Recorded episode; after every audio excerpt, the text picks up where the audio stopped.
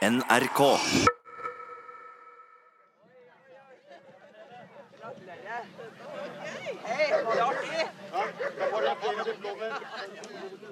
Jeg sitter og ser på en hjemmevideo fra en hundeutstilling på Nesbyen.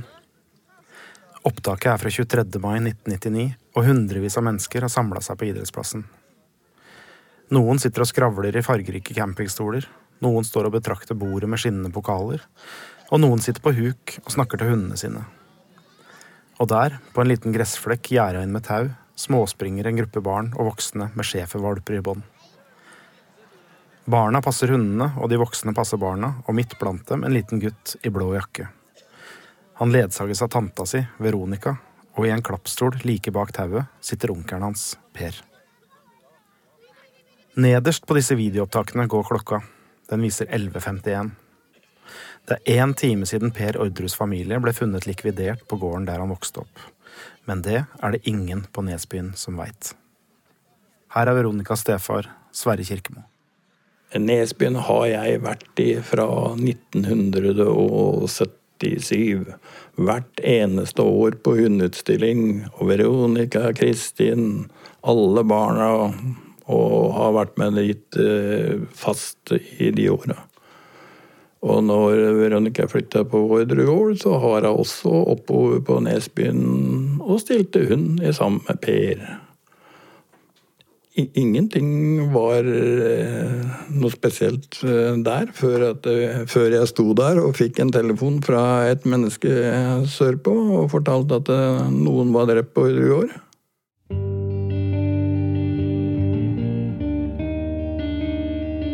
tror jeg sa det som det var, at Anne og foreldrene var funnet døde på Orderud. Han ble jo helt skjelven og helt, helt likblekk med en gang. Da må han jo ha spilt skuespill, da. Jeg klarer ikke å fake noen ting. Han er veldig ekte i følelsene sine. De har mottatt våpen. Både av Kristin og av meg. Ja ja, Per-mann, nå kommer vi nok til fengsel. Mitt navn er Joakim Førsund, og dette er podkasten Familiene på Orderud. Fjerde episode Pinse på Sørumsand.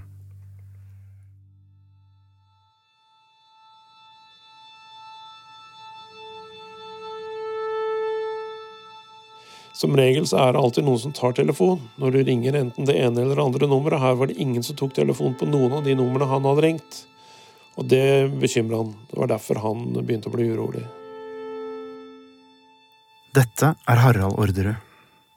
Han snakker om faren sin, Hans Orderud, som ringte til broren Christian i kårboligen i pinsen i 1999. Men Christian tok ikke telefonen, og det gjorde Hans Orderud urolig. Det var jo første pinsedag. Hele bygda var jo pynta til fest. Det skulle jo være konfirmasjon. Lørdagen følger opp på vanlig måte, og så tar han telefonen og ringer, men får ikke noe svar. Så gikk jo lørdag kveld og søndag morgen, og han sa til min mor nå reiser jeg opp, for her nå skjønner jeg ingenting. Så han slang vel bare på seg ytterjakka og satte seg i bilen og dro opp. Og går jo da ut og bort til utgangsøra, som da er låst. Det hendte det at når det var fint vær, at Mari og Christian og Anne kunne sitte ute og, og spise frokost og, i sola, for da hadde de jo morgensola. Så han hadde vel kanskje den tanken når han valgte å gå rundt huset. Så han går jo da bare rundt huset, opp på baksida, og så ser han jo da dette knuste vinduet i verandadøra på baksida.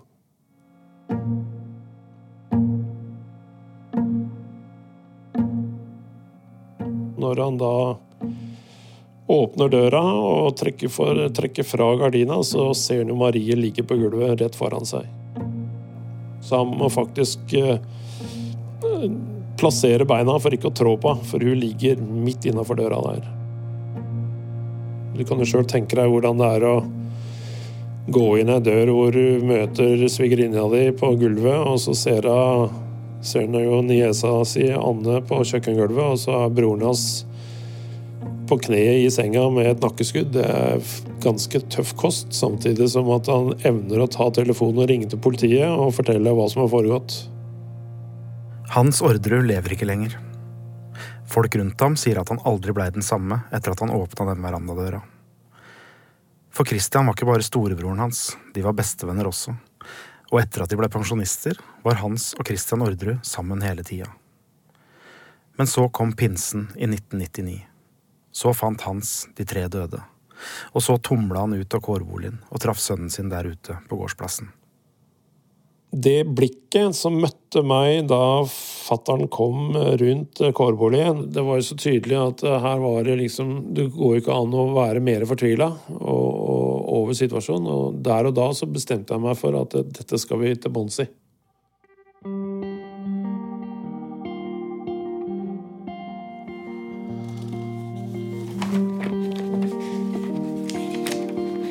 Det er kveld på Skjetten. Regnet pisker mot vinduene, og Harald Orderud er aleine på kontoret. Han ville møte oss her, ikke hjemme. Han har plaga familien sin nok med dette. Denne utrettelige jakten på sannheten om drapene som faren hans oppdaga. På bordet foran ham ligger bunker med dokumenter og presseklipp fra trippeldrapssaken. Harald Ordres hender er urolige, han gnir dem mot hverandre, og han strammer kjevene når han forteller. Det første jeg spurte etter, var hvor er Per? Og ingen visste hvor han var. Hvorfor spurte han det? Jo, for det er jo naturlig at han eh, burde jo få beskjed om hva som har foregått. Altså, dette var jo da på formiddagen, og jeg så ikke at det var noe liv nede på gården, så jeg tenkte er det ingen som har vært der nede? Og det var det faktisk ingen som hadde vært. Og da gikk jeg ned på gården og kikka gjennom vinduer og så ikke et eneste menneske. Jeg gikk inn på fjøset, der var det helt stille og rolig. Per og Veronica var ikke i fjøset. De var ikke noen andre steder på gården heller. De var på Nesbyen i Hallingdal. Veronica forteller. Ja, det var det pinsen 99 så hadde vi planlagt at vi skulle på hundestilling i Nesbyen. Um, men det var litt sånn usikkert inntil egentlig helt i siste øyeblikk, for at Per var ikke ferdig med ånda, så han drev sånn døgnet rundt og kjørte på jordet, da. Uh, og jeg hjalp jo til, jeg òg. Um, ehm, så han drev jo faktisk hele den natta Vi reiste jo på morgenen på lørdagen, må jo det ha vært. Uh, og han, hele den uh, natta så drev jo han på jordet, så han var jo kjempetrøtt. Så det var jo jeg som kjørte opp til Nesbyen. Dette er altså Veronica Orderus forklaring om hvor hun og Per var da drapene fant sted. De var på gården, og Per var ute på jordet hele den natta. Det trenger ikke å bety noe, for det er snart 20 år siden, men det var ikke sånn hun forklarte seg i retten. I retten sa hun at hun og Per gikk tur med hundene, spiste middag og gikk og la seg. Og du har ikke vært inne i kårboligen i pinsen 99? Nei, jeg var ikke i kårboligen i pinsen 99. Her er NRK Dagsnytt, klokken er 16.30. Hovedsak i denne Dagsnytt-sendingen er at tre personer er funnet drept i en privatbolig i Sørum kommune i Akershus. Vi har helt siden eh, vi fikk den meldingen ved ellevetiden, vært klar over hvem disse tre menneskene er, men har dessverre til nå ikke greid å varsle hele familien eller alle deltakere i familien. Når vi passerte bomringen på Arnabru, så hørte vi på nyhetene på radioen at de sa navnene. Det var tøft. Her er vennene til Per og Veronica fra Fettsund, Ingar Brøderud og Lisbeth Kvinge. De var på hundeutstilling på Nesbyen den pinsen, de også, men de satt i bilen på vei sørover da ofrenes navn ble lest opp på radio. Vi har vært noe i tvil om vi dermed bør bør eh, si fra politiets side hvem disse er, men ettersom jeg forstår at det allerede er kjent i pressen, så kan jeg bekrefte at de tre døde er Christian Orderud, 81 år gammel, og hans hustru Marie Orderud, 84 år gammel, og deres datter Anne eh, Orderud Paust, 47 år gammel. Det var rett og slett et kjempesjokk for oss. Vi var veldig, veldig stille. Vi snakka ikke så mye i det hele tatt. Det var rett og slett for sterkt. Så De begynte jo å grine, begge to. Men jeg fikk roa meg ned, og jeg hadde telefonnummeret til Sverre. Og jeg visste Per og Veronica var på Eller vi visste, da.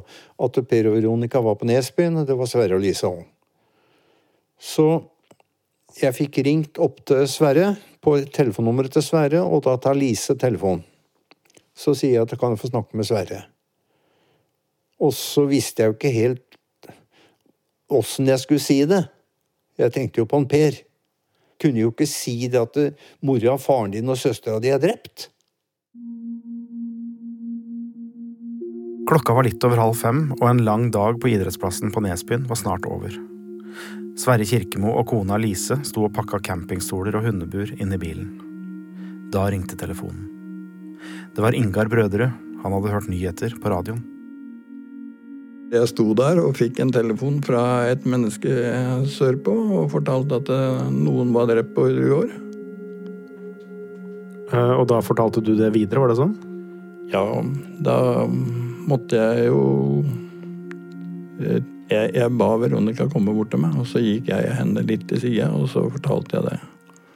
Og henne ut fra hvordan jeg helt husker det, så bare snudde hun seg rundt og løp bort til Per og så prata. Og så Idet hun sa det til Per, så Ja.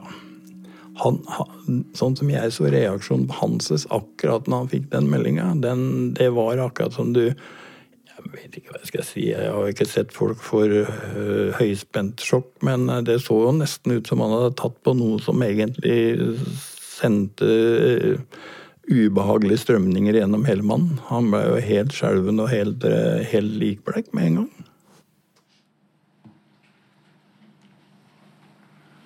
Så hadde faderen fått en telefon. Så han sto vel der og snakket i mobiltelefonen sin. Og så roper han på meg. Og da var det Ingar han snakket med. Uh, Brødrud. Og så forteller uh, uh, faderen meg det. Her er Veronica Orderud i lagmannsretten. Pers forsvarer, Cato Schjøtz, ber henne fortelle om ektemannens reaksjon da han fikk budskapet om trippeldrapet. Jeg vil gjerne at du i litt større detalj prøver å beskrive Pers reaksjon. Det er deg som gir ham dødsbudskapet. Jeg, jeg husker at han knakk helt sammen. Husker du hva du sa til ham? Jeg, jeg, tror jeg sa det som det var. At det var uh, At uh, Anne og foreldrene var uh, funnet døde på Orderud. Jeg tror det var det faderen sa til meg. Gråt han? Ja, han gråt fryktelig. Han gråt fryktelig. Men hvis han har vært med på dette med planlegging eller medvirkning eller det som verre er, da må han jo ha Spill skuespill, da. Ja, nei, men nei. Hvor, um, hvor um, flink er Per Orderud til å fake en slik uh, sorgreaksjon, da? Per klarer ikke å fake noen ting. Alle som kjenner Per, vet at uh, han er veldig ekte i følelsene sine.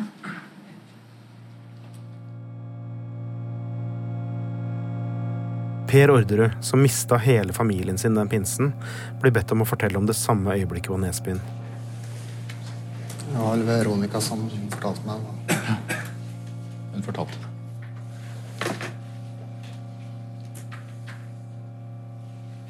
Husker du mye fra hva som skjer da etter det? Jeg husker nesten ingenting. Nei. Lurte du på hva som hadde skjedd, eller? Hvordan det hadde skjedd, mener jeg? Jeg husker egentlig ingenting i forhold til det. Jeg var eh, Jeg var slått, slått helt ut. Ja.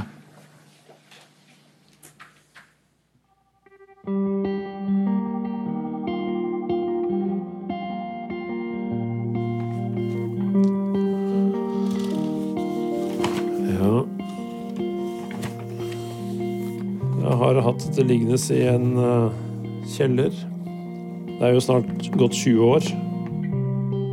Nå samler Harald Orderud en bunke ark foran seg på bordet.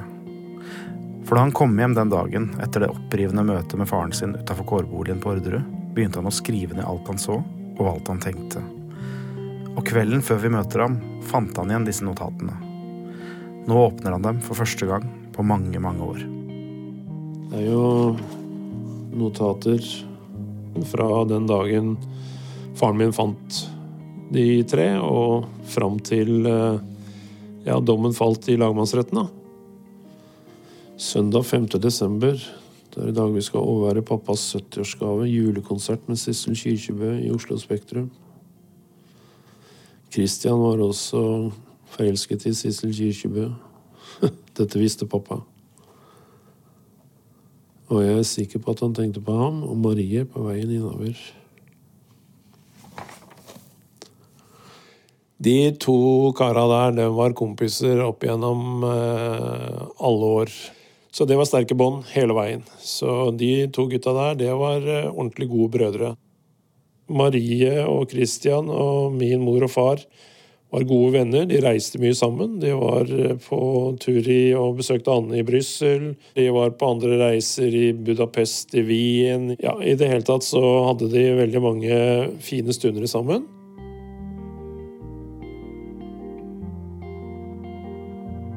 Sånn som jeg kan huske Marie og Christians ekteskap, så var vel det som alle andre ekteskap i den generasjonen. Det var eh, eh, utfordringer, og det var nok sine diskusjoner og, og det ene med det andre, men eh, de holdt hverandre i hånda og var glad i hverandre, og de opplevde mye sammen, og de lo mye sammen og hadde det mye gøy sammen, så jeg tror nok det at de hadde et godt ekteskap.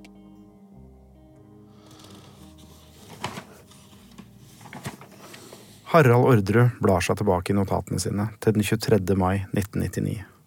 Dagen da onkelen, tanta og kusina hans ble funnet drept, og Harald arrangerte minnestund for den nærmeste familien. Jeg husker jo jeg tok telefonen og, og ringte for å få tak i Per når vi hadde minnestund hjemme hos oss. Harald leser. I løpet av minnestunden fikk jeg kontakt med Per på Nesbyen. Ja. Jeg visste ikke helt hva jeg skulle si når han svarte på telefonen, men jeg sa liksom 'hei, hvordan har du det'? 'Ikke så bra', svarte han. Hvorpå jeg sier 'vi har nå en minnestund her hjemme hos meg, alle i familien er her, og jeg skal hilse så mye'. 'Jo takk, du får hilse tilbake', svarer Per. 'Skal jeg komme og hente dere', spør jeg. 'Nei, det, vi vil være her blant vennene våre', svarer han. Er du sikker på at ikke du vil bli hentet av Per? svarer jeg tilbake. Ja, vi blir her. Og det var jo ganske spesielt å oppleve den, det svaret. Eh, og da var jo også presten til stede. Vi sang noen salmer, vi tente tre lys. Ja Det blei liksom veldig mye prat frem og tilbake, men alle begynte jo å tenke på hvorfor Per svarte sånn som det han gjorde. Hvorfor han ikke ville komme hjem til familien. Altså, det var jo tross alt hans aller nærmeste som var, som var døde. Så da tror jeg nok det var noen som uh, begynte å tenke sitt. Blod er tjukkere enn vann, altså. Jeg ville i hvert fall hive meg i en bil så fort som bare han det, og komme meg hjem og begynt å stille alle spørsmål som er naturlig å stille når dine nærmeste er drept. Samtidig, på Nesbyen. Per og Veronica spiser middag på hotellet. De er blitt bedt om å melde seg for lensmannen på Sørum, og de er invitert nedover av familien, men de bestemmer seg for å bli til dagen etter. Og det er jo ikke sånn at de er aleine på Nesbyen. Stefaren til Veronica er der. Kona hans Lise også. Den lille nevøen deres David. Og alle vennene i hundemiljøet. Her er Veronicas stefar, Sverre Kirkemo. Jeg visste jo innerst inne hvorfor de ikke tok og reiste nedover. Det var jo fordi at de da fikk beskyttelse og fikk roa alt sammen ned. Og Per var mest opptatt av mens vi satt der og ventet på at nyhetene skulle komme. Det var han store. Han hadde fått bordet rett under den svære TV-skjermen, så den, det var han opptatt av. Og jeg husker til og med da jeg sa til han er du sikker, Per, at du vil se det? Du kommer til å se absolutt det verste. Det er det pressa er ute etter for å vrenge helt ut så du får det helt opp i halsen. Ja, nei, det, det var liksom greit. Dagen etter avhøres Per og Veronica i mange timer på lensmannskontoret på Nesbyen. De kjører hjemover i skumringa, og da de kommer tilbake til Sørumsand nærmere midnatt, er Ordre gård beleira. Det er polititeip rundt både kårboligen og gårdshuset. En nabo oppe i skråninga har lånt bort plenen sin til pressefotografer, og langs de smale veiene venter både journalister og nysgjerrige naboer på Per og Veronica. Men Sverre Kirkemo har kjørt i forveien, og i ly av natta hjelper han dem usett inn på Ordre gård. Vi hadde, Jeg og Lise var på gården stort sett hver dag. Kjørte dem ut i skogen. De gjemte seg på gulvet i bilen for at ikke noen skulle se at de var med oss, og kjørte langt inn i de dype skoger og gikk turer og sånt noe. Var du bekymra for uh, altså, hvordan Veronica hadde det? Hun hadde jo mista hele svigerfamilien sin. Nei, jeg kan ikke si egentlig at jeg tok den tanken på at uh, Det virker i hvert fall ikke på meg i den tida vi gikk der oppe, som hender hadde så veldig store, tunge dager med å gå på det, på det kjøkkenet og den gården. Det, det kan jeg ikke si. Hun gjorde jo veldig lite i forhold til det jeg burde ha gjort. Det var jo Hvorfor vi var oppe, det var jo for at jeg stelte fjøset og gjorde alt sammen. Per og Veronica gikk jo ikke engang ut over gården, inn i fjøset. Jeg hadde Per hos meg en morgen i fjøset, og da står han og ser bort på kålbordene, og da sier han bare rett ut til meg. Jeg håper disse jævla idiotene og politiet kan komme seg vekk, så vi kan få fred ustabil eh, i humøret sitt var nok Per. Og altså, hans lille hemmelige liv det kom jo plutselig rullende opp på tekst for alle og enhver. Han var jo irritert og forbanna på pressa da, som hadde skrevet sånn og sånn, og han kunne jo uttrykke når jeg satt der ja, den avisa skal jeg i hvert fall si opp, den skal jeg aldri ha noe mer. Veronica var jo litt mer sindig. Noen ganger så kunne temperaturen stige, men henne var jo veldig flink til å dempe seg sjøl. Men uh, hun sto jo midt på kjøkkengulvet mens jeg og Lise står der, og så sier hun ja ja, Peremann, nå kommer vi nok i fengsel. Denne referansen til Pers hemmelige liv handler jo om at pressen allerede nå, et par dager etter drapene på Orderud, hadde begynt å skrive om krangelen Per hadde gående med foreldrene sine. Og selv om ingen var pågrepet av politiet, ble gårdstvisten nevnt som et mulig motiv for drapene.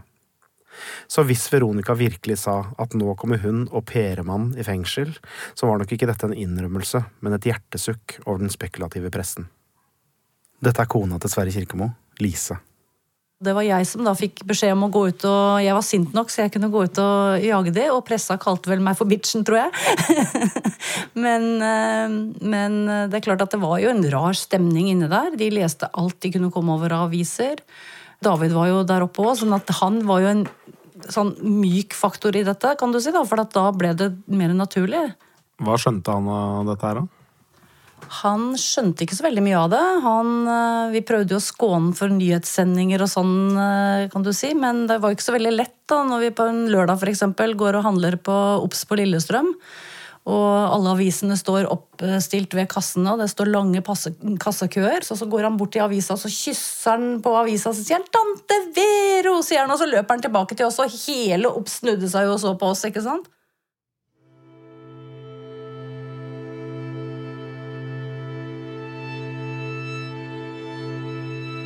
Tidlig om morgenen den 3. juni i 1999 ligger ekteparet Christian og Marie Orderud og datteren deres Anne i hver sin kiste i kapellet på Rikshospitalet i Oslo. De er trillet inn dit fra obduksjonsrommet på patologisk avdeling vegg i vegg. Snart skal de kjøres til Blake kirke, men først skal kistelokkene løftes av. For utafor står en gruppe sørgende mennesker som skal ta et siste farvel. Det ble gjort klart for syning inne i kapellet på Rikshospitalet, så de som ønsket å gå inn, kunne gjøre det, og de som ville være ute, de var ute. Og det jeg kanskje reagerte mest på, var jo at eh, Per og Veronica var jo ikke til stede. Eh, faren min han valgte å gå inn, eh, og han ønsket å være aleine, så vidt jeg kan huske. Og han brukte den tida han trengte. Det var veldig spesielt. Når de åpna dørene, så var det tre hvite kister med tre mennesker som lå pent svøpt i, i, eh, i eh, sitt klede. Eh, og Marie var akkurat sånn som jeg husker dem, mens Anne syns jeg var veldig ukjent. Hun hadde et eh, annet ansiktsuttrykk enn det som eh, var henne. Det var mye gråt, og så ble jo da bårene båret ut og satt inn i, i bilene som skulle kjøre da fra Oslo til Blaker kirke. Hvis du hadde bedt Christian og Marie Orderud om å tippe hvor mange som ville dukke opp i deres respektive begravelser, ville neppe noen av dem sagt at det ville bli fullt i Blake kirke. Men sånn ble det. Det var flere prominente politikere der også, forsvarsministeren blant annet, og det hadde de i hvert fall ikke gjetta, Christian og Marie. Men så tenkte de vel heller ikke at de skulle gravlegges sammen med dattera si.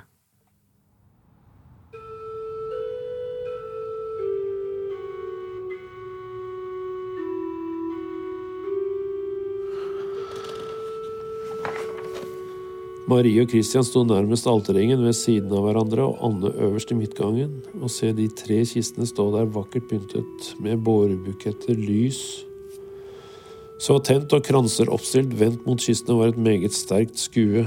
Jeg hadde virkelig problemer med å holde tårene tilbake.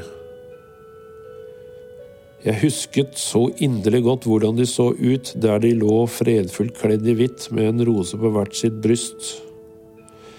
Nå var lokket på, og tiden var inne til å ta et endelig farvel. Ja. Dette er sterk kost for meg nå, altså. Det må jeg si.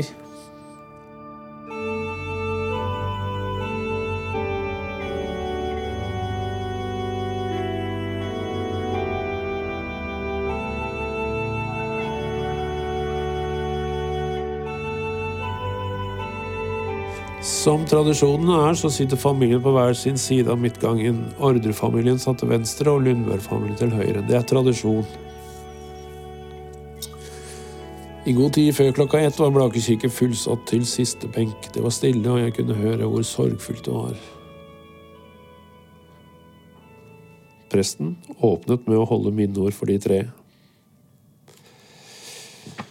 Ja nå var det min tur til å holde tale.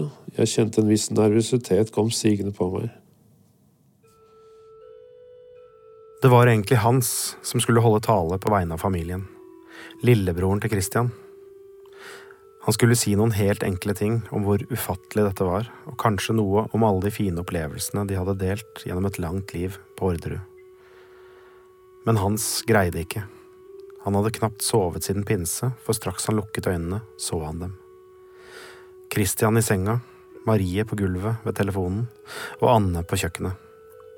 Hans Orderud gikk fram til talerstolen, stilte seg ved siden av mikrofonen, bøyde nakken og samlet hendene foran seg. Men det var sønnen hans, Harald, som holdt talen.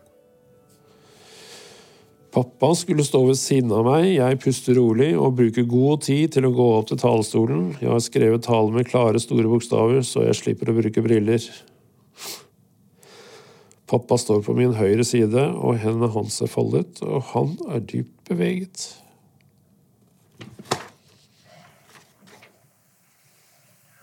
Vi tenker alle på dere, og vi gjør det i mange år fremover.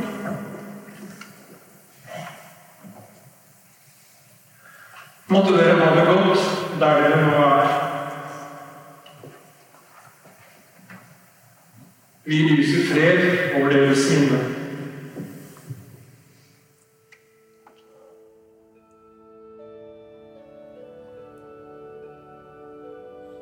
Kan du si noe om hva dette dødsfallet gjorde med faren din?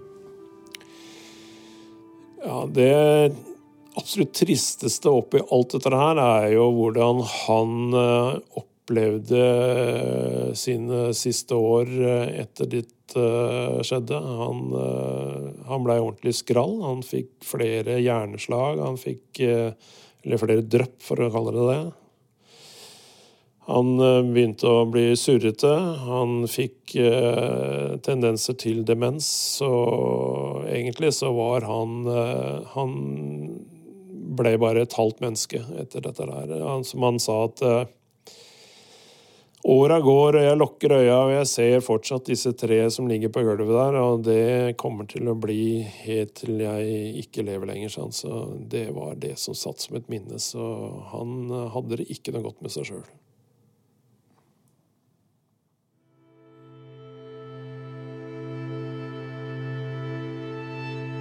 Dette var turbulente dager for Per og Veronica, og hvis man ville ha fred og ro, så var ikke Orderud gård stedet å være. Espen Orderud, en annen av Pers mange fettere, ville derfor låne bort hytta si i Strømstad, sånn at Per og Veronica kunne få puste ut og komme til hektene. De pakka hver sin bag og var klare til å dra. Men først skulle de bare innom for et kjapt avhør på Lillestrøm politikammer. Politiet ringte og spurte om vi kunne komme til avhør. Og så sier jo Per og jeg at ja, ja, hvis det er liksom fort gjort, så, vi, så er det greit, for vi har tenkt oss å reise bort i helga. Ja, ja, ja, nei, det skulle liksom være fort gjort og sånn. Så vi drar jo av gårde til Lillestrøm. Uh, og så satt jo han politifyren på andre siden av skrivebordet, ikke sant? og jeg satt liksom og venta på at han skulle begynne å stille noen spørsmål, og så sier han ikke noe. Og så legger han bare et ark på bordet uh, mellom oss. Og jeg satt bare og venta på at han skulle begynne å, stille spørsmål, så vi kunne bli ferdig med det avhøret, for det var jo derfor vi var der. Uh, men så kom jeg jo aldri ut derfra, da. Jeg veit ikke hva Per og Veronica trodde da de parkerte bilen sin i Lillestrøm den mandagen i juni 1999. Men da de gikk inn på politikammeret, ble de ført inn i hvert sitt avhørsrom, og der inne ble de fortalt at politiet hadde endra statusen deres. De var ikke bare vitner i saken lenger, de var sikta for trippeldrap. For kvelden i forveien hadde en mann ved navn Lars Grønnerød uttalt seg, og han hadde fortalt at han hadde vært på Ordre gård og solgt våpen. De har mottatt våpen. Både av Kristin og av meg. Og øh, jeg syns de er skikkelig dårlige mennesker som ikke kan stå for det. Håper juryen øh, skjønner at øh, her er noe gærent. Det håper jeg virkelig. Fordi det er det. De lyver.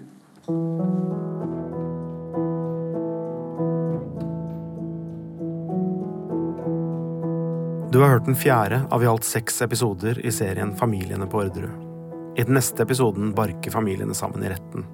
Episoden heter Dommen og kommer mandag 26. november. Familiene på Orderud er laget av Bendik Mondal, Sigurd Øygarden Fleten og meg, Joakim Førsund. Lydmiksen er gjort av Odin Eggen Brekke. Vår redaktør heter Vilde Batzer. Musikken i denne podkasten er komponert av Aaron og Bryce Dessner. Vignettmelodien er skrevet av Marissa Nadler, og versjonen av salmen Så ta det av mine hender er spilt inn av Ive Kleive og Knut Reiersrud. Arkivklippet fra begravelsen i Blake kirke er spilt av med tillatelse fra TV 2-nyhetene. Familiene på Orderud er produsert av Monster for NRK. Alle episodene blir gjort tilgjengelig i appen NRK Radio, og du kan kontakte oss på følgende e-post podkast at nrk.no.